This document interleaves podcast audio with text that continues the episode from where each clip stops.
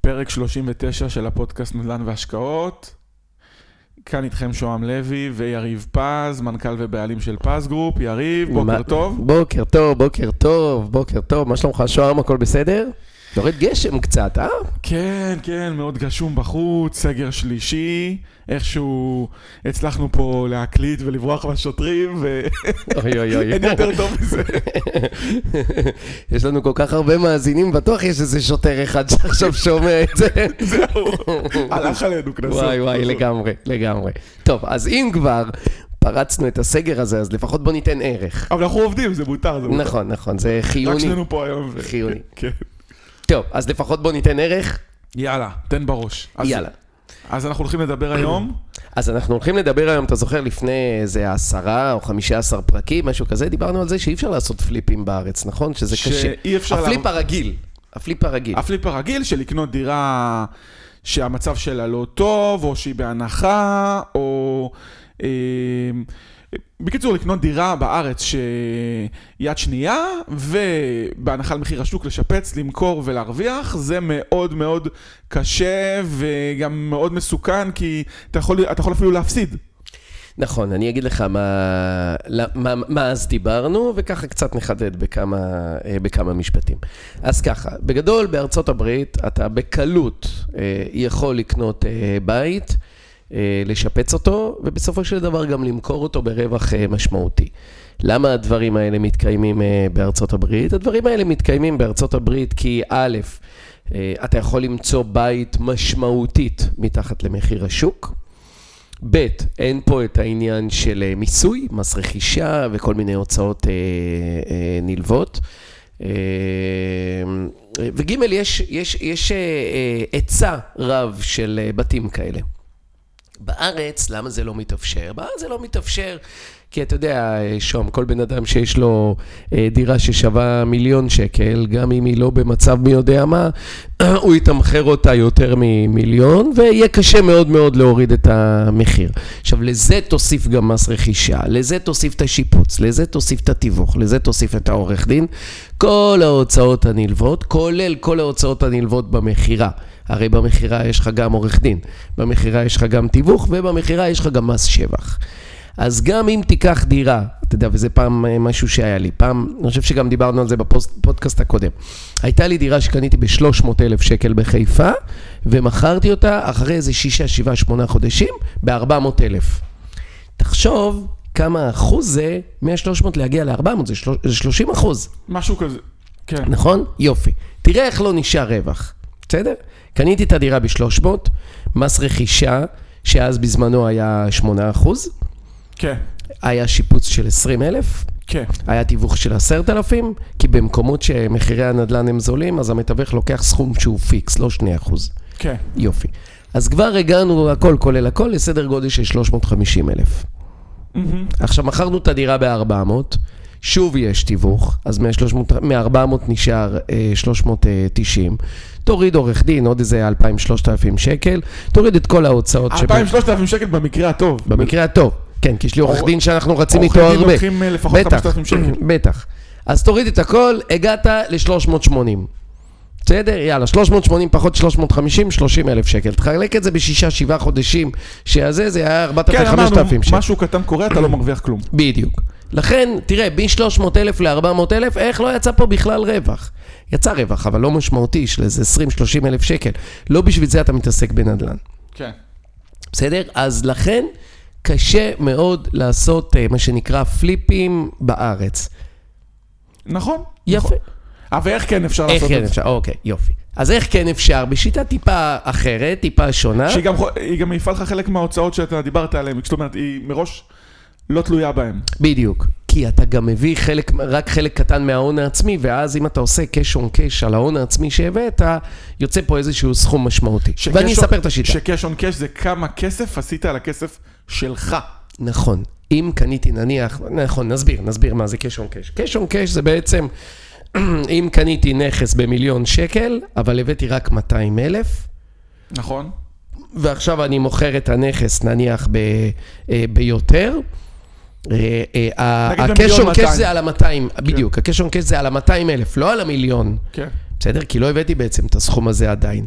ה-cash on cash זה כמה כסף הרווחתי על כמה ששמתי בפועל שהוצאתי מהכיס, לא כולל המימון. כן, בסדר?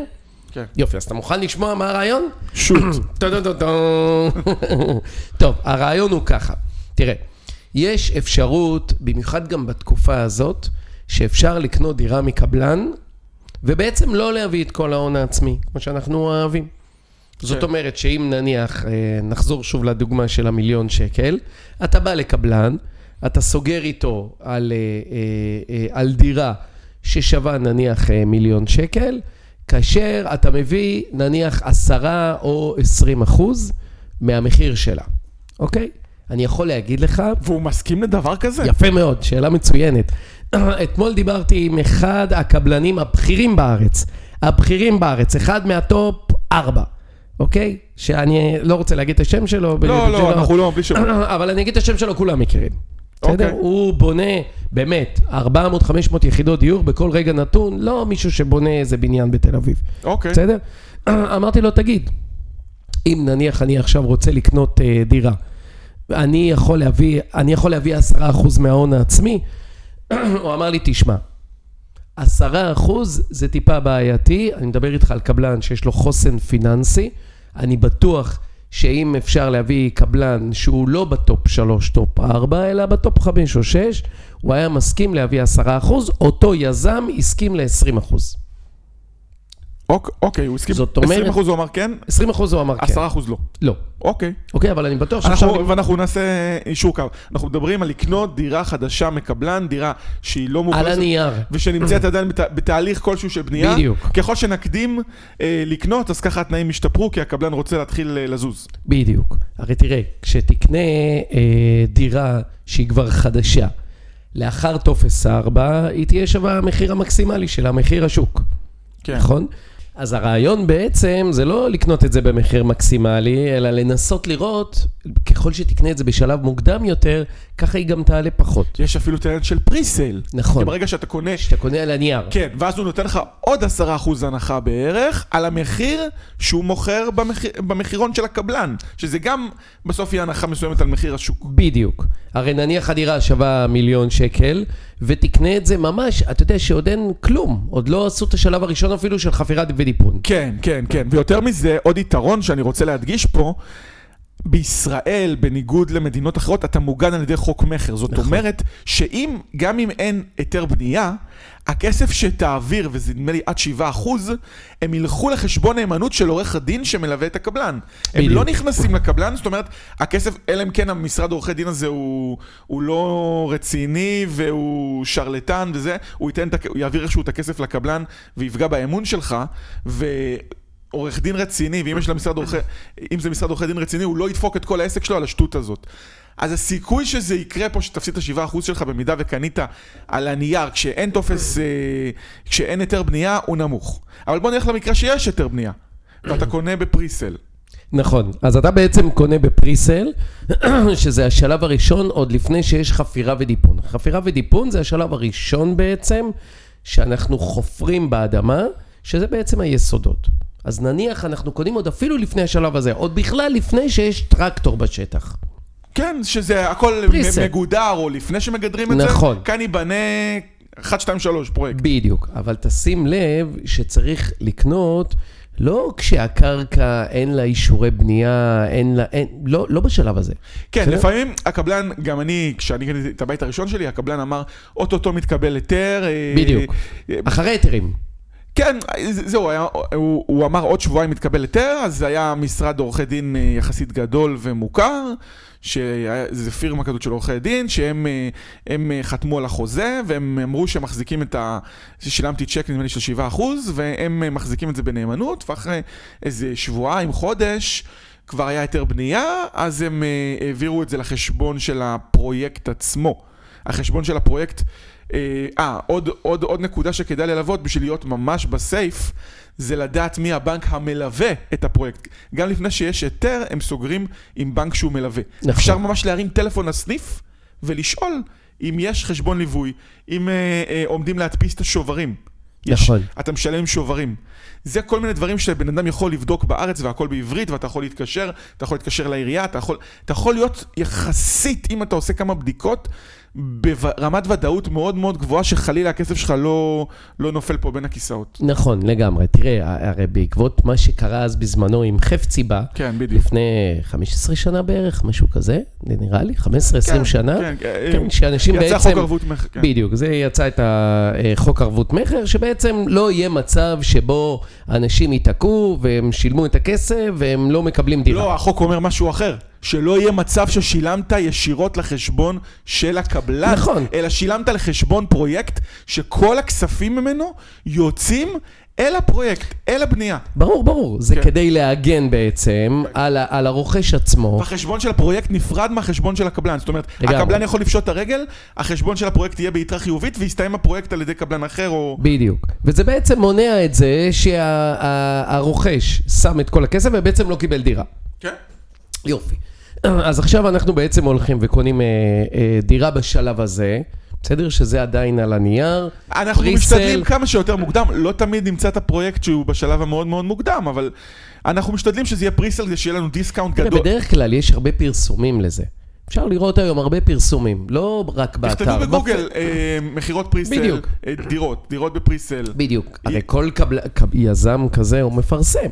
הוא מפרסם בטלוויזיה, הוא מפרסם הרבה בפייסבוק, אפשר לראות את זה הכל. אפילו תכתבו בקבוצות של אה, אני מחפש לקנות דירה בפריסל. נכון, אולי אה, יחזרו אליכם כל מיני משווקים. נכון. יחזרו הרבה. תאמין לי שיחזרו הרבה. כן, תשאירו את המייל שלכם, אפילו יותר קל. במקום שיפנו לכם בהודעה פרטית, יעלה להם זה, תשאירו איזה מייל ייעודי לזה. בואו תפנו אליי, אני מחפש דירה בפריסל. נכון. שלחו לי הצעות. יפה. עכשיו, אז הסברנו מה זה פריסל. פריסל זה בעצם השלב שעוד אה, לפני שעולים על הקרקע, ואז אתה יכול לקנות את הדירה. עכשיו, בשלב הזה, זה השלב שבו אפשר יחסית לכופף את היזם. מה זה אומר לכופף את היזם? א', לנסות להוציא איזושהי הנחה כלשהי, בסדר? וב', זה הנושא של התנאי תשלום. ופה בעצם נמצא שנייה, הפליפ לגבי עצמו. ההנחה, אני רוצה להגיד לך משהו. יש מחיר מינימלי שמתחתיו אסור למכור ד- את הדירה, בהתאם למה שחשבון הליווי של הפרויקט, זה נקרא דוח אפס, מה שה- מה שהוא סגר. אז בדרך כלל המחיר של הפריסל יהיה כבר המחיר הכי נמוך שבכלל אפשר למכור את הדירה. נכון, נכון. אבל תחשוב שדירה ששווה מיליון שקל, בסדר? מדובר פה על מספרים גבוהים. מספיק אתה מצליח להוציא את הדירה הזאת בחמישה אחוז פחות. חמישה אחוז, זה לא הרבה. כבר אנחנו מדברים פה על סדר גודל, לא על סדר גודל, אנחנו מדברים על 50 אלף שקל. זה המון כסף, במיוחד להון העצמי שתביאו. עכשיו, כמו שאמרתי מקודם, אפשר למצוא קבלן סלש יזם שיהיה מוכן לתת תנאי תשלום של להביא 10% כמקדמה ואת שאר הכסף, 10 או 20% כמקדמה ואת שאר הכסף, קרי 90-80 אה, אחוז, להביא במפתח. אחרי טופס 4. אני רגע רוצה רק להסביר מה זה טופס 4, בסדר? טופס 4 כן. זה בעצם טופס אכלוס. מה זה אומר? זה אומר, הבניין כבר נבנה, אפשר לראות את הדירה הפיזית, את כל הוא הבניין עם גם השטחים בטוח הציבוריים למגורים. והכל, הוא בטוח למגורים. יש אישור לחיבור לחשמל, מים וגז. זה טופס 4. ויש גם אישור של מכבי אש. ו- גיבוי, כמובן. כל מיני הכל. רשויות שבודקות. ו- בדיוק, בדיוק, העירייה, בכוזרותינו הכל. בפודקאסט. כן, כן, כן, ברור, ברור שאפשר אה, אה, לגור, ובעצם זה השווי המקסימלי של הדירה. דירה חדשה שאפשר לקבל מפתח ולגור בה יום למחרת. זה השלב שבו אפשר ואו צריך למכור את הדירה. אגב, פעם היו עושים את זה הרבה אנשים, כן. שהם היו מוכרים את זה לפני טופס 4. ואז בעצם מס הכנסה התלבש עליהם, כי הוא אמר, רגע, רגע, קנית דירה על הנייר, מכרת אותה עוד סוג של על הנייר, אז הוא עשית אומר פה שזה ביזנס. עסק, הוא אומר. בדיוק. עשית פה ביזנס, אז זה לא 25% מס שבח, זה 50%. יות- כן, 48 אחוז, כן, נראה לי. כן, כן, זה המס כאילו כמו מכוח עבודה, כאילו אתה עובד. אה, וגם ביטוח לאומי אתה צריך לשלם במקרה הזה, אבל לא מסתכל עליו. אוקיי, אוקיי. לפחות נקבל נסיעות גם אולי מה- מה- מהבניין עצמו על ה- על זה שנסענו לראות מה קורה עם הפרויקט. כן, תגיד שכל השנה נסעת ואתה כן. לא צריך לשלם, אין רווחים. בדיוק, לגמרי. בכל מקרה, עכשיו תחשוב, הרעיון הוא, אנחנו קונים את הדירה במינימום הון עצמי. אמרנו קש און קש, זה כמה כסף שמנו. אוקיי, רגע, אמרת 20 אחוז, אז דירה של מיליון שקל, אני צריך להביא 200 אלף שקל. יפה, 200 אלף. שאגב, אם נחזור לאחד הפודקאסטים הקודמים, גם את זה אפשר להביא בהלוואה, אבל יאללה, בוא... כן, לא אבל מנ- שלא לא נבנה נ- פה פירמידה, שאתה יודע, אם חלילה משהו לא מצליח, כי רוב המאזינים שלנו הם לא עכשיו אה, מיליונרים אה, עם כמה מיליונים בבנק, אז אם אה, תהיה פה איזושהי בעיה, אז לא... לגמרי, הם לא לגמרי חשוב להגיד שהלוואות זה דבר מסוכן, והלוואות צריך להיות מאוד מאוד אחראים, שאם קונים במזומן הסיכון הוא הולך והוא פוחת, וככל שלוקחים יותר הלוואות ומינופים, כך הסיכון הולך ועולה. זה חשוב באמת להגיד את הדבר הזה. כן, ו- שאנשים ידעו. בדיוק, מי נכון. אנחנו לא יודעים מי, מי שמקשיב לנו באיזה שלב בחיים הוא נמצא, מה הוא יודע, מה ההשכלה הפיננסית שלו. חשוב להגיד שהלוואות זה יכולות, יכולות להיות מסוכנות. נכון. אז אנחנו מדברים על סדר גודל של 200 אלף שקל, דירה של מיליון שקל. זה בטח לא יהיה בתל אביב, וזה גם לא יהיה ברמת גן, ולא יהיה בגבעתיים, זה לא יהיה באזורי הביקוש, כנראה זה יהיה באזור חדרה, צפונה, אה, קריית גת, בערך משהו כזה, דרומה. כן, אבל אוקיי, אתה עושה- הדוגמה, הדוגמה שאנחנו נותנים. בסדר? אוקיי, זה אוקיי. בערך, אה, אם אנחנו מדברים על מיליון שקל. קנית במיליון, השווי דירה כשהיא מאוח... לאכלוס הוא בערך מיליון 200 יהיה ב- פחות או יותר? שאפשר נכון. למכור? כן, אבל מה קורה אם כולם רוצים למכור איתך ביחד ועוד... רגע, אנשים- רגע, שנייה, שנייה. אז בואו בוא רגע נסיים רק את מה שאנחנו רוצים זה, ואז נדון על זה, בסדר? טוב. אז הרעיון בעצם, אה, לקנות את הדירה, הדירה שאנחנו לוקחים בדוגמה, שהיא שווה מיליון, היא באזורים האלה. כמובן, אפשר לעשות את זה גם בתל אביב, אבל אז הדירה תעלה שלושה וחצי מיליון, ו-20% מזה צריך להביא 700 אלף שקל, בסדר? אה, אוקיי. אה, צריך להביא יותר כסף. גם פה אם חלילה תהיה איזה ירידת מחירים או איזשהו שינוי, אתה נחתך פה בהרבה אחוזים ואתה... כאילו, הסיכון שלך יותר גדול, ההלוואה יותר גדולה. כל המספרים יותר גדולים. כן, אבל מנגד אתה יכול לבוא ולהגיד שהדירות בתל אביב, השוק קצת יותר יציב, ואולי כן, הסיכוי אבל שירדו... הנה, בקורונה היה הכי, הכי הרבה בלאגן בתל אביב דווקא. נכון. בכל מקרה, אז הרעיון זה לקחת את הדירה שקנינו במיליון, ועכשיו למכור אותה במיליון 200, נכון? Okay. יופי. אוקיי. עכשיו, כמה בעצם עשינו על הכסף? בעצם הבאת 200 אלף שקל, בסדר? וכמה קיבלת? 200 אלף רווח, רווח כרגע לפני ההוצאות. לפני ההוצאות. אוקיי. בסדר? אז זהו, בטח במהלך ה- השנים, אולי היה לך הוצאות מימון, לשלם לקבלן אולי, או לשלם על המשכנתה, או משהו כזה. רגע, אבל דבר מאוד חשוב שלא אמרנו, אתה לוקח כנגד ה-200 אלף, אתה מקבל הלוואה מהקבלן. ככה אתה נכון. עושה את זה. בעצם הקבלן הוא בעצם המממן של הדבר הזה. אוקיי, אני בא עם 200 אלף שקל הון עצמי, הוא נותן לי הלוואה של 800 אלף שקל, ב- נכון. באיזה ריבית בדרך כלל? בריבית מאוד נמוכה. בריבית מאוד נמוכה. אה, יכול להיות איזה סדר גודל של שלושה, ארבעה אחוז, נ- לא. שלושה אחוז בערך, משהו כזה, אבל בכל מקרה, גם אם לקחת הלוואה, משכנתה מהבנק, דרך אגב, עם השני שלישים האלה של ה... של הפריים, של אבל הפריים. קצת העלו את הפריים. אבל- נכון. אז אם תיקח נניח משכנתה של אה, 800 אלף שקל, נכון, הרי חסר לך להשלים למיליון. כן, נכון. אתה יכול לקחת אותה בבלון, מה שנקרא. בדיוק. ואז אתה משלם על ה-800 אלף שקל האלה, אתה משלם רק את הריבית. באמת, באמת, באמת זה גרוש וחצי. זאת אומרת שאנחנו מדברים על סדר גודל של איזה 2,000 שקל לחודש. אפילו קצת פחות. כאילו... בסדר? אה, נדמה לי שאפילו קצת פחות. נכון. כי תחשוב, כמה הפריים היום עומד על 1.6? 1.6. 1.6, כן. 1.6, יופי. אז הם, לא- תחשוב- הם נותנים את זה בפריים, פריים פלוס 0.3, פר... כאילו אם, אם זה שני שליש פריים, כן. כן, יופי. אז- ובגלל שזה לטווח קצר, אז הסבירות שהפריים יעלה היא נמוכה, אז אם עושים עסקה כזאת לטווח בטח, אין קצר, סיכוי שהפריים יעלה בכלל. בש- לא. ב- ב- בוא לא נגיד אין סיכוי, לא, אי אפשר לדעת. הסיכוי לא. מאוד מאוד נמוך, הרי במיוחד לאור המצב הכלכלי. ככל הנראה הפריים לא יעלה. אתה רוצה רגע נסביר מה זה פריים? בוא. שלא יהיה פה מונחים שלא... בוא. זה, אוקיי. טוב, אז ככה, פריים בעצם זה איזושהי נוסחה שאומרת שפריים זה הריבית של בנק ישראל, שם היא 0.1 אחוז, שהיא 0.1 אחוז, פלוס 1 נקודה... 1.5 אחוז, אחד שזה וח- מרווח. פלוס 1.5 אחוז. בנקאי. בדיוק. ועל המרווח הזה יש פה איזשהו מיקוח לכאן או לכאן, כאילו לפלוס או למינוס, אבל פחות או יותר, זה הרווח של הבנק. אה, בדיוק. פחות ומי או יותר. שקובע את הריבית של בנק ישראל זה בעצם נגיד בנק ישראל, שהוא קובע בעצם את הריבית לפי המצב בשוק. זה לא, זה לא הנגיד, אני, אני רק רוצה שנייה לדייק. הוא זה, מודיע, הוא זה, מודיע, לא, הוא- לא, לא, לא, לא, לא. רגע, שנייה. זה ועדה מוניטרית. בדיוק, בדיוק. בה- לפני הרבה שנים זה היה בנק- הנגיד לבד. נכון. אבל יש איזושהי הצבעה בין כמה חברים, והם קובעים את זה. נכון. שבסופו של דבר זה פונקציה של מצב המשק, נכון? ככל שהמשק נמצא במצב טוב, ריבית, הריבית עולה, וככל שהוא נמצא במצב לא טוב, סלש מיתון, אז הריבית יורדת. כן, בגלל חשוב שעכשיו להגיד המצב שנניח קשה, בשנת 2008, שהיה את המשבר בארצות הברית, הריבית, הפריים, ירדה משמעותית, כי בעצם פחדו פה שיהיה פה משבר כמו בארצות הברית, ולכן הריבית הפריים היא מאוד מאוד נמוכה. אגב, לדעתי זה אחד הדלק של עולם הנדל"ן, שבעצם אנשים חכמים פיננסית לקחו משכנתאות שהיו כמעט בחינם, עד היום המשכנתאות האלה כמעט בחינם, וזה מה שתדלק את עולם הנדל"ן, את מחירי וזה הנדל"ן. ימשיך לתדלק גם עכשיו. זה ימשיך לתדלק את וב- במיוחד שיש שני שליש פריים, בסוף תהיה תחרות בין הבנקים, וזה, וייתנו בפריים, או אולי טיפה פחות מ- מפריים, וזה יהיה כבר מאוד מאוד זול. שני שליש כבר במסלול הזה, וזה כבר הופך מאוד זול, אבל מסוכן אם הריבית עולה. כרגע הריבית לא אמורה לעלות, אבל בואו נמשיך. יופי. אז רגע, אז אמרנו ככה, באתי עם 200 אלף שקל, שני מסלולים. אתה יודע, או- אנחנו צריכים לעשות איזה פודקאסט כזה שמסביר את כל הדברים האלה, מה זה פריים, מה זה זה, ממה זה מורכב.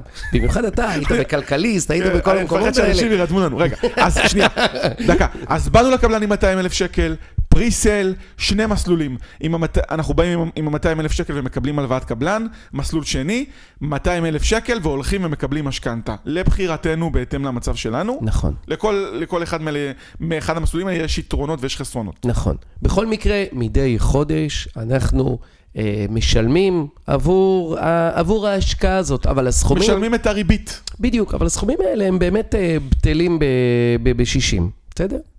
אין בעיה, אנחנו אחרי זה נוריד אותה מה... ברור, מהרווח. אתה מוריד את זה מהרווח. כן. אוקיי, עכשיו, אה, אה, אה, לבנות בניין זה לא משהו שלוקח הרבה זמן. זה משהו שלוקח הרבה זמן. זאת אומרת שלבנות היום, מדברים על לבנות קומה, קומה בבניין, סדר גודל זה יכול להגיע חודש, כן, עד חודש. יש את אה, שיטת ברנוביץ', זה נקרא, שהם באים עם הקירות כמו פלטות, מרכיבים אותם כמו פאזל, ויוצקים את הבטון על הקירות שמרכיבים, והבנייה מתועסת והרבה יותר טובה. אני, חו...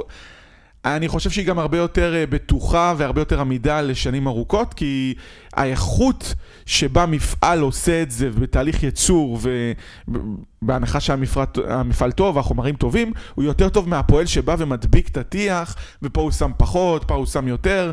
זה הרבה יותר, אה, הרבה יותר יעיל. זה אוקיי. כמו שיטת לגו כזאת. הבנתי, אוקיי. אבל יפה. לא את כל הבניינים בארץ בונים ככה. אז- אוקיי, אז כמה זמן לוקח לבנות קומה? כמו שאמרת, חודש, חודש עד- עד וחצי. חודש. לפי דעתי עד חודש, אפילו פחות מזה, אבל אני קצת נזהר. חודש, פחות או יותר חודש. אוקיי, כל- יופי. אז אם יש לנו בניין של שמונה קומות, נכון, הוא אז אמור זה להיות שמונה אה, זה, חודשים, אבל, למרות אבל שהדיפול תראה, בחניון לוקח, היסודות כן. בדיוק, הח- החפירה והדיפול. איזה וה- חצי שנה זה לוקח. אה, יופי. בוא ניקח, עזוב, שוהם, בוא ניקח שנתיים. כולל הכל. אם הקבלן, בניין בוטיק. אם הקבלן טוב, ואין לו שום בעיות של פועלים, והוא מסודר, ייקח שנתיים פחות או יותר לבנות. יופי. אז בנינו את הכל בשנתיים. עכשיו, אחרי שנתיים יש טופס 4.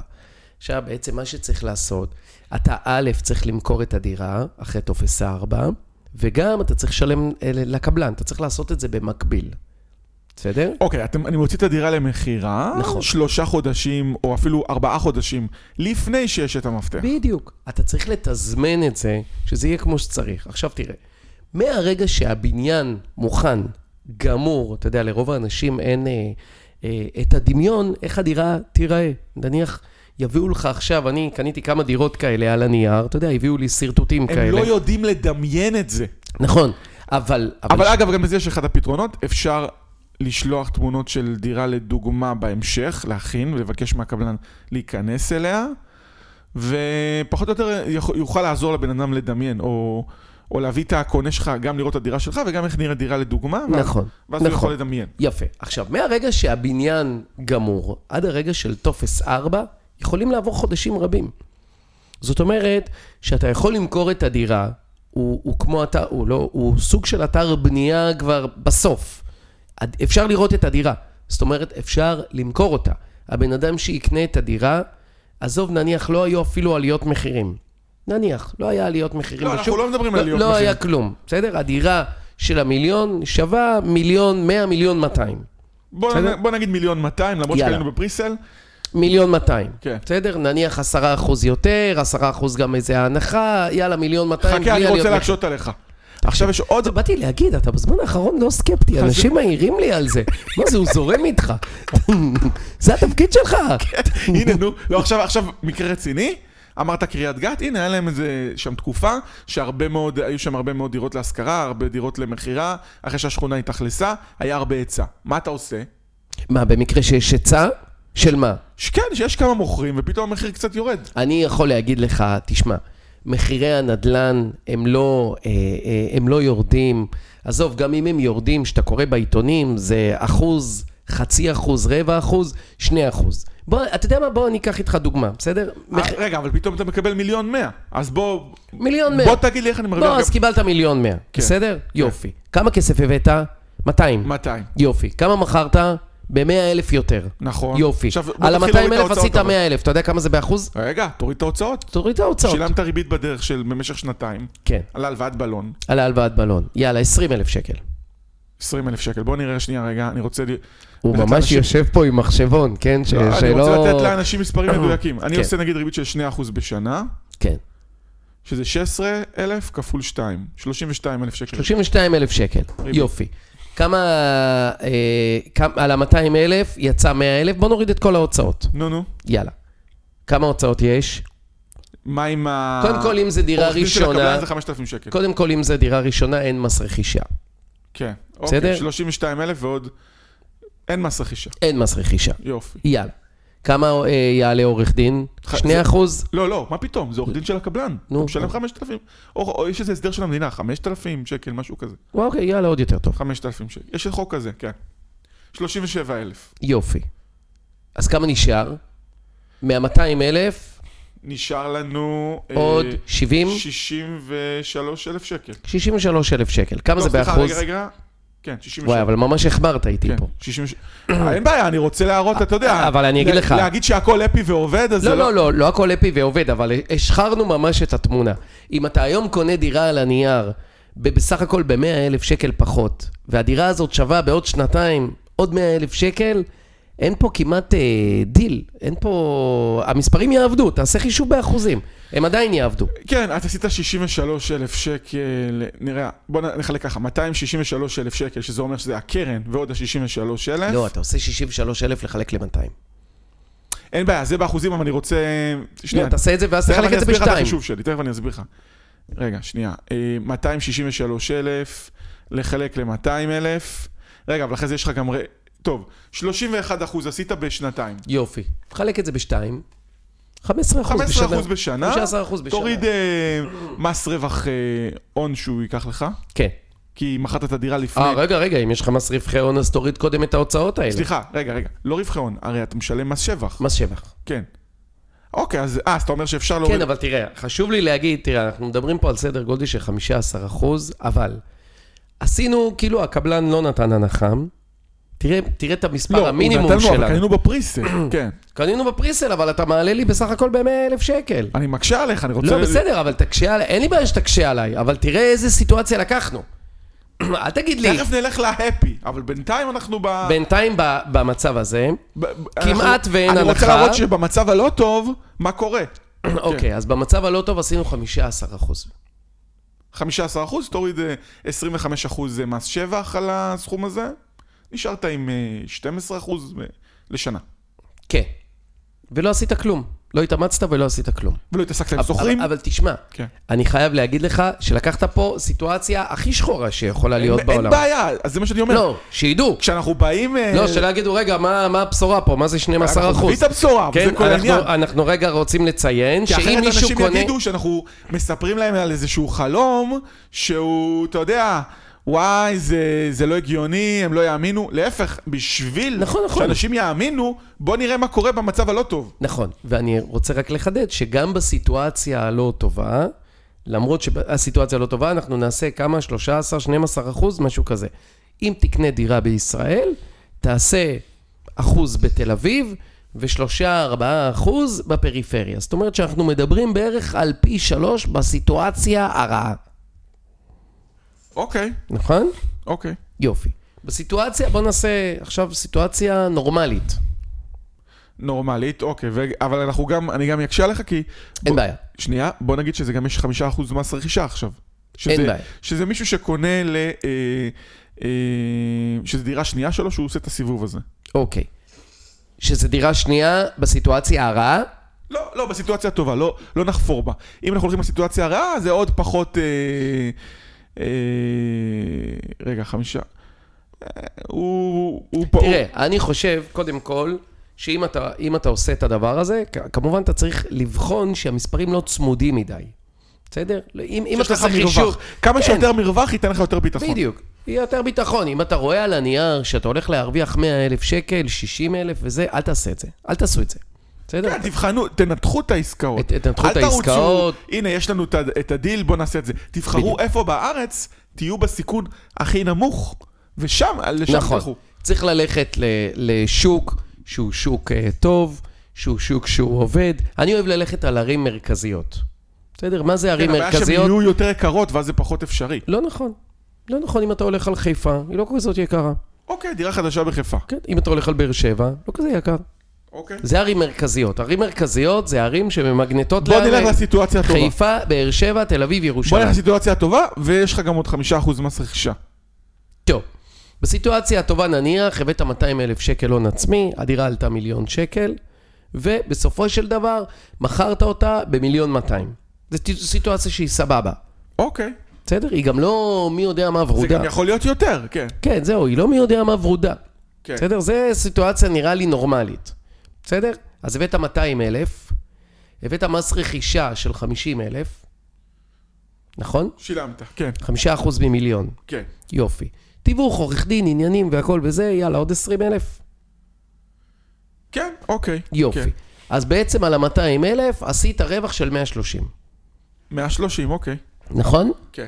כי תוריד מה-200 רווח 50 אלף מס רכישה, או שתוסיף לזה, זה לא משנה, ועוד הוצאות נלוות והכל. כן, קודם התרחיש הגרוע... נשאר לך 130 לא על לקחנו- 200. כן, כן. נשאר לך 130 על 200. מעו- מעו- מעולה. יפה. כמה זה באחוז? בואו נראה. אמ, שנייה. אמ, ככה, 330 אלף, אני מחלק אותם ב-200. ב-200 אלף, זה 1.65, זאת אומרת, הרווחתי 65 אחוז. יפה. תחלק את זה בשתיים. אה, רגע, תוריד מס שבח. אז רגע, שנייה אחת. תוריד 25 אחוז מה-130 כפול. אלף. תוריד 0.71. 20 אלף, 100 אלף, עשית 50 אחוז, שנייה. לחלק ל-2, 25 רגע, אחוז על רגע. הכסף. 0.65, רגע. 0.65 כפול... אה, לא, בכלל, שנייה. שנייה, שנייה. אוקיי, תוריד, יאללה, נו, לא, next. הנה, אז אני אגיד לך את המספר. נו. על ה-200 אלף עשית 130 אלף. אוקיי. למה? כי יש לך מס רכישה, 50 אלף, ויש לך הוצאות נלוות 20, אוקיי. כולל הריבית בדרך והכל וזה. Next. סבבה? אז מתוך ה-200 נשאר לך 130. מה-130 תוריד 25 אחוז, אז אתה בערך נמצא ב-100 אלף. 100 אלף שקל. יופי. על ה-200 אלף עשית 100 אלף. כמה זה? 50 אחוז. קודם היה לך 200, עכשיו יש לך 300 אלף שקל, יופי. הגדלת את ההון תוריד- העצמי שלך אה, ב-100 אלף שקל אה, בשנתיים. את ההון העצמי ב-100 אלף שקל. תחלק את זה בש- ב- בשתיים, זה 50 אחוז, לחלק לשתיים, 25 אחוז. בוא, יאללה, הוצאות נלוות, עניינים, נסעת לאתר בנייה, הלכת, חזרת. 25 אחוז 20%. בשנה, תשואה להון העצמי שלך. כן. עכשיו, תחשוב שאם יש לך נניח 400 אלף שקל, אתה בא לאותו כן, קבלן, אבל ואתה מנסה להוריד עוד כן, יותר במחיר, אבל- כי אתה קונה שתי דירות. כן, אבל יש גבול כמה אתה יכול להוריד במחיר אם אתה בא בפריסל. 10 אחוז. אם אתה בא אחר כך, אתה אתה יכול. 10 אחוז, זה לא הרבה. כן, אתה יכול להוריד במחיר אם הוא כבר בשלב מכירה עצמו. זה אני... בפריסל אין לו מה יותר מדי להוריד לך, כי כבר זה המחיר הכי נמוך שהוא יכול למכור. תראה, בוא, בוא אני אספר לך איך בא, איך בא בעצם הרעיון הזה. בסדר? אוקיי. תראה, ו, ותראה כמה נדפקתי, נדפקתי, ועדיין זה יעבוד. שוט. יאללה. קניתי דירה מירושלים מאחת החברות הכי גדולות שפשטה רגל בדרך, אפשר לדעת כבר מי זאת החברה הזאתי, בח- החברה הכי גדולה בארץ, שהיא גם פשטה יואו, רגל פשטה את בדרך, הרגל, יואו. והיא פשטה את הרגל, כן. כן. אבל בגלל החשבון המוגן אה, תחת אה, חוק ערבות מכר, אז זה הגן עליך, לא? כן, אז סיימו לבנות את הזה, אממה, במקום לסיים את הבנייה, קניתי את הדירה הזאת בשנת 2009, לפי שווי של מיליון שלוש מאות. מיליון שלוש מאות שישים. אוקיי. בסדר? דירה בירושלים. סדר גודל של 200 מטר קו אווירי מהכותל. וואי, מדהים. כן. עכשיו תקשיב. רגע, ונוף לכותל גם? איך... כן, אבל וואי, זו זה דירה מדהים. ראשונה. בוא'נה, אבל- אז אתה לא יכול לראות את הכותל, אבל 200 מטר באיזה, בין רחוב הלל לרחוב שמאי, יש רחוב שנקרא ביאנקיני. רחוב מאוד קטן, יש שם את הבית כנסת האיטלקי. ממש זהו, ליד אבל- ממילה. אבל זה כן, אבל זה אזור נורא היסטורי, גם לא בונים זה שם, אזור- לא, אז אין הביקוש בנייה. מפגר. כן, לגמרי. תקשיב, הדירה עלתה מיליון... אגב, שזה גם לא אמרנו, אם אתם קונים במקום שהביקוש מטורף, אין כמעט סיכון ב- כן. בהנחה גדולה על המחיר הדירה במכירה, אבל בסדר. נכון. עכשיו תראה, קנית דירה מתישהו בשלהי 2009-2010. קניתי את הדירה הזאת על הנייר. בסדר? הדירה הזאת עלתה מיליון 360, מיליון 320, סליחה. הייתי צריך להביא לעסקה הזאתי 30 אחוז. הבאתי 200, אה, 100, 200, 300, הבאתי בערך 400 אלף שקל. בימים של יריב פז לא היה כסף, אז אה, תקשיב, יואו, לא נעים לי לספר מאיפה הבאתי את הכסף. את הכסף הבאתי מהבנק. בסדר, הבאתי את הכסף מבנק אוצר החייל. לקחתי בסדר, לא- הלוואה למה- של 500 אלף למה אה, שקל. לא נעים? לא לקחת מאבא, בסדר? אה? לא, לא, כן. לא, כי לא נעים, כי לא הבאתי את הכסף מעצמי אפילו. בקיצור, הבאתי 500 אלף שקל ששילמתי עליהם ריביות במהלך השנים והכל. אה, הדירה הייתה אמורה להיות אחרי שנתיים-שלוש. החברה אבל פשטה את זה לא הרגל... קבוצת רכישה. מה זה? זה לא קבוצת רכישה. לא, קניתי את זה על הנייר. אוקיי. אוקיי? ה- ה- ה- ה- הבאתי 500 אלף שקל אה, לעסקה, ריביות הכל, בנק לאומי היה הבנק, הוא עדיין, הבנק המלווה, בסדר? אוקיי. ואז 800 אלף שקל, אני משלם מדי חודש ריבית. רגע, לקחת משכנתה אבל. מה זה? לקחת משכנתה, אתה אומר. כן, זה מה שאני משלם, ריבית. אוקיי, אוקיי. ד- לבנק לאומי, כן, זה נקרא גרייס- גרייס חלקי. בדיוק. עכשיו, תראה, גם היה שם דייר מוגן. בקיצור, להוציא את הכל וזה, רגע, הדירה איך מוכנה זה- היום. שנייה, אבל איך דייר מוגן? אבל זו דירה חדשה שלך, אני לא מבין. מה זה? מה זאת אומרת דייר מוגן? על הקרקע עצמה, היה מישהו שמסתבר שהיו לו זכויות על הקרקע, והוא עשה קצת חיים קשים ל- לאותה חברה. איך, אבל היא כבר בנתה שם, אני לא מבין. לא, היא לא בנתה, קנינו את זה כשזה עוד היה בשלבים הראשונים, אוקיי, אוקיי, בסדר? אוקיי. היה שם מישהו, לא משנה, היה שם מישהו שהיה לו זכויות על הקרקע, שכשחתמנו על החוזה, עדיין לא הגיעו איתו למשא ומתן. או-הו, בסדר? טוב. עסקה מאוד מסובכת. עזוב, אני לא רוצה לה- להיכנס פה יותר מדי ל- ל- ל- לזה, כי זה באמת יעלה הרבה שאלות ותהיות, ו- וניכנס פה לעוד מושגים של מה זה אוקיי. דייר מוגן וכאלה. התקדמנו. בוא- בוא נשמע מה קרה. תקשיב טוב, הדירה מוכנה עכשיו, תכף צריך להיות טופס 4. מ-2009. אבל. מ-2009, כן. לא, עכשיו, בוא, ל- לזכות החברה ייאמר שהם אמרו ייקח שלוש שנים. זאת אומרת שאנחנו מדברים מ-2012 אה, רגע, אבל יש איזשהו חוק שמשלמים לך שכר דירה, כאילו עם... כן, אה, אבל אז לא היה. גם מי ישלם לי שכר דירה? אני אגיד את השם של החברה, אז אתה תבין למה זה... אוקיי. אין שכר דירה ואין כלום. בכל מקרה, הדירה הייתה אמורה להיות מתישהו ב-2012, 2013, הייתי אמור לקבל מפתח. אנחנו נמצאים ב-2021. בסדר? או. טופס 4 אמור להתקבל מדי יום. אבל בינתיים הדירה הזאת השביחה את תקשיב, אה. החיים, נו. הדירה הזאת היא ס- שווה היום סדר גודל של שניים וחצי מיליון. במקרה הרע נראה לי. זה לא, לא במקרה הרע, בוא, אתה לא רוצה ללכת בתסריטים אה, אופטימיים. לא, אבל זה זה באופטימי- אזור, אין שם קרקעות, אין זה, בנייה, אין ביקוש, אין הכל כלום. חדש. כן, בתסריטים אופטימיים אתה אומרים יודע כמה שהדירה אנשים היא חרדים ירצו- פרייסלס. ירצו לגור שם, ליד הכותל? נכון, עזוב חרדים, הרבה יותר... אה, צרפתים, צר- כל מיני- בדיוק, צרפתים בטח, וכל זה מיני ביקוש כאלה. מטורף. נכון. עכשיו תחשוב, נניח הבאתי 500 אלף מהכסף של עצמי. גם לא הבאתי את זה מעצמי, אבל יאללה, במהלך השנים שילמתי ריביות והכל. אוקיי, אמרת קנית במיליון שלוש מאות אה, עשרים? עשרים? נכון, כן. ועכשיו זה שווה שתיים וחצי מיליון. יפה, אז זה מיליון 200, ועברו גם עשר, 11 שנה. 11 שנה עברו. כן. בסדר. שילמת פה ריביות, שילמת... שילמתי ריביות ושילמתי הכל, בסדר? עכשיו, זה- השתיים וחצי מיליון אומרים, אומרים שהדירה הזאת היא בכלל פרייסלס, אין לה מחיר. אבל אני אומר לך, תסריט גרוע, בסדר? לא מבין, למה אין לה מחיר? כי כאילו זה מסוג הדירות האלה שהמיקום שלה, ובגלל זה שהיא חדשה, ובגלל שאין בנייה חדשה בזה, אתה יכול ליפול על איזה מישהו משוגע, שיבוא ויגיד לך, קח שלושה מיליון על הדירה. נו, זה מה שאני אומר לך. כן, אז אני אומר לך, נעשה את החישוב לפי הרגיל. שאם יש לך כבר עוד יותר סבלנות ומרווח נשימה... לגמרי. כן, אל תגזים. שלא נדבר על זה שהתקשרו אליי מתווכים, בוא נעשה Airbnb כן. בדרך וכל אבל מיני... אל תגזים בזמן של המכירה, שלא יגידו שהדירה שרופה וכל מיני קשקושים כאלה. שזה נכון, גם... כן, תקציב לך שלושה חודשים ל- למכור אותה. למצוא- נכון. אני כן. עכשיו צריך כבר תכף להוציא אותה אה, אה, למכירה, ולדעתי היא תמכר מי מאוד מאוד מהר, שמתעניין- כי כבר מתקשרים אליי מתווכים. יש לי קונה, יש לי קונה, יש לי קונה. אז מי שמתעניין, יריב פז, ו- אולי- אולי תחזור את הדיבור. נו. בסוף נמכור את הדירה דרך הפודקאסט. כן. לא, בכל מקרה, תסתכל. בסופו של דבר, עשינו יותר מפי שתיים, כמעט פי שלוש על הכסף. רגע, אבל... רגע, פי ש- פי שתיים, לא, לא יודע. לא, למה? אמרת מיליון, אה, שתי מיליון וחצי. שניים וחצי מיליון, זה זה מיליון שלוש מאות, פי והבאתי שתיים בערך ו- ארבע מאות. בעשר שנים אבל. כן. ב- ו- אבל אה, אתה מדבר על ההון העצמי? על ההון העצמי, שגם את הארבע מאות לא הבאתי. אז אוקיי. יצא פי שלוש על הכסף. פי שלוש על ההון העצמי ב... אה, בעשר שנים. בעשר שנים. 300 אחוז. 300 אחוז בעשר שנים. 30 אחוז בשנה. אבל תקשיב, אני מדבר איתך על זה וכשהיו בעיות שהקבלן ונתק- פשט רגל כן. בדרך. הקבלן פשט רגל בדרך. והיה דייר מוגן, והיו כל הצרות האפשריות.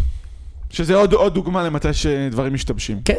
אז כן, רגע, אבל, אבל תגיד לי משהו, אבל הבנק לא מוכן לעשות גרייס יותר משנתיים, או שנתיים וחצי. כן, אבל אה, בגלל שנכנס קבלן אחר בנעלי הזה, אז חלק מה... מה, מה אה, חלק מהדיל היה שהקבלן, הרי, הרי הבנק רוצה לתת אה, אה, הלוואות. עכשיו, מי קונה שם אה, אה, דירות? הבנק מאמין בקרקע. הבנק לא רוצה להרוס את הפרויקט ולעכל אותו.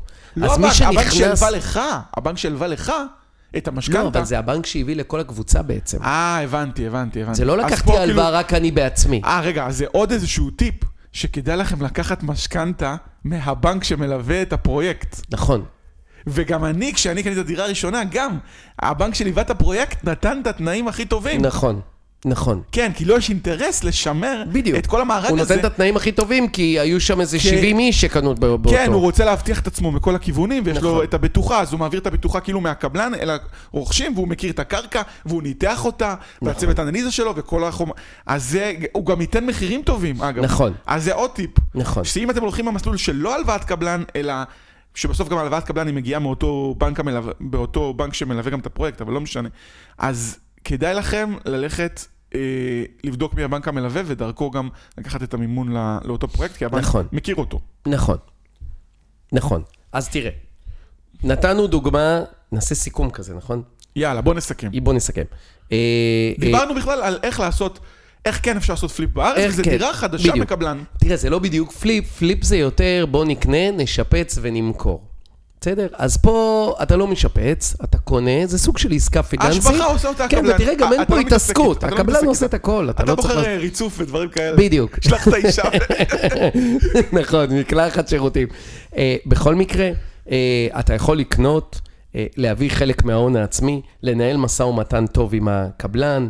אה, אם המספרים צמודים מדי, אז ברור שלא לעשות את העסקה, אף אחד לא זאת מבין מתי... אומרת, אם הרווח הוא נמוך ב... זאת אומרת, אם קניתם ב-200 אפשר למכור את זה במיליון 100, אז לא. וגם, אבל גם שווה לנתח את האזור שבו אתם קונים. ברור. שעל זה לא דיברנו. נכון, שאם הולך להיות היצע גדול ויש שם הרבה מחיר למשתכן, ו- אה, הולכות להיות, יש הרבה פרויקטים שיבשילו נכון. באותו איפה זמן. שיש ביקושים. כן, אפילו שיש ביקוש, אבל אם יש הרבה פרויקטים שיבשילו ועלול לגמרי. להיות היצע, תבדקו. נכון. תבדקו, זאת אומרת, אולי 20% מהפרויקטים שתבחנו יהיו מתאימים נכון. ומרווח גבוה, פחות, ההיצע נמוך, יש ביקוש, ו... נכון. זאת אומרת, זה לא כל דבר, זה חשוב להדגיש את זה. ברור, ברור, כל דבר צריך לבדוק, וצריך לעשות את זה נכון, וצריך לראות שאנחנו קונים באזורים טובים, באזורים וסעו שיש- לשם פיזית. ברור. סעו, תבדקו. לכו ל- ל- ב- ב- ביום שבת, תראו מה קורה. לכו בשעה שתיים בצהריים לבית ספר, נכון. בשכונה ליד, תראו איך הילדים יוצאים, מה קורה. כן. תראו את המרכז המסחרי, מי נמצא בו. לכו תבדקו, רדו לשטח. נכון. לבדוק, אפילו שזה אה, פליפ קבלן כזה. מה נכון, שנקרא. לבדוק מהם מחירי הנדלן באותו אזור, לראות שיש שם ביקושים ולראות הכל. לזכור יד שתיים, להתקשר לאנשים אפילו שמוכרים נכון. שם ביד שתיים לפני שאתם קונים, לראות מי מו מה, מה קורה. ללמוד את השטח. נכון. זהו. וזהו, תצליחו, ביי, סתם. אוקיי, ואני עכשיו אה, לוקח אותך, נניח חלילה... איך עשינו סיכום ואתה רגע, ממשיך לשלם. עוד פעם, תרחיש אחרון. נגיד כן. שעכשיו יש הרבה היצע ולא מכרת ואתה רוצה להשכיר את זה. אוקיי. אז אתה משכיר ומחזיר... אתה מזכיר את זה, ומחזיר את פשוט. המשכנתה. כן, אתה מזכיר את זה. בינתיים הדייר משלם את המשכנתה שיש לך על הנכס, וזהו, אבל עדיף שלא, כי באנו במטרה להגדיל את ההון העצמי שלנו. אבל כמובן, ב-Worst case לא הצליח, ה-200 נהיה 100, כמו שאמרנו, וה-100 נהיה 60, ויצאנו על איזה 10% על תממש הכסף. כן, יותר מאוחר, שנתיים, שלוש, ארבע. תיקח את כל המשכנתה, הדייר השכירות תשלם ישלם את את ה- את המשכנתה, ובא לציון גואל, ונחכה לעליית מחירי הנדל"ן. זאת אומרת, אנחנו לא חייבים למכור, גם אם אה, פתאום קרה משהו נורא נורא נורא גרוע. גם אם יתחרבש וגם- הכל, כן, וירדו והרווח- מחירי הנדל"ן, לא מוכרים. והרווח הוא נמוך, אז יש לנו את התוכנית גיבוי של הגיבוי, שהיא השכרת הדירה. השכרה. השכרת הדירה, ו... אה, אגב, יש גם פה יתרון, כי זו דירה חדשה, אז יש אה, אה, אחריות של הקבלן. נכון. אז כל התקלות, אתה, אתה ישר מפנה למשרד של הקבלן, נכון. וחסכת בלאגן לפחות שנה ראשונה, שנה שנייה, שזה גם עוד, עוד יתרון ב, ב, בגישה הזאת. לגמרי. זאת אומרת שבמקרה הכי גרוע ונכשל הפליפ במרכאות, אה, זה, אז מזכירים את הדירה ולא קרה כלום. מעולה, יפה, יאללה, אהבת? חמוד מאוד, יפה, בוא נלך לחפש דירה. יאללה, יאללה, ביי. ביי.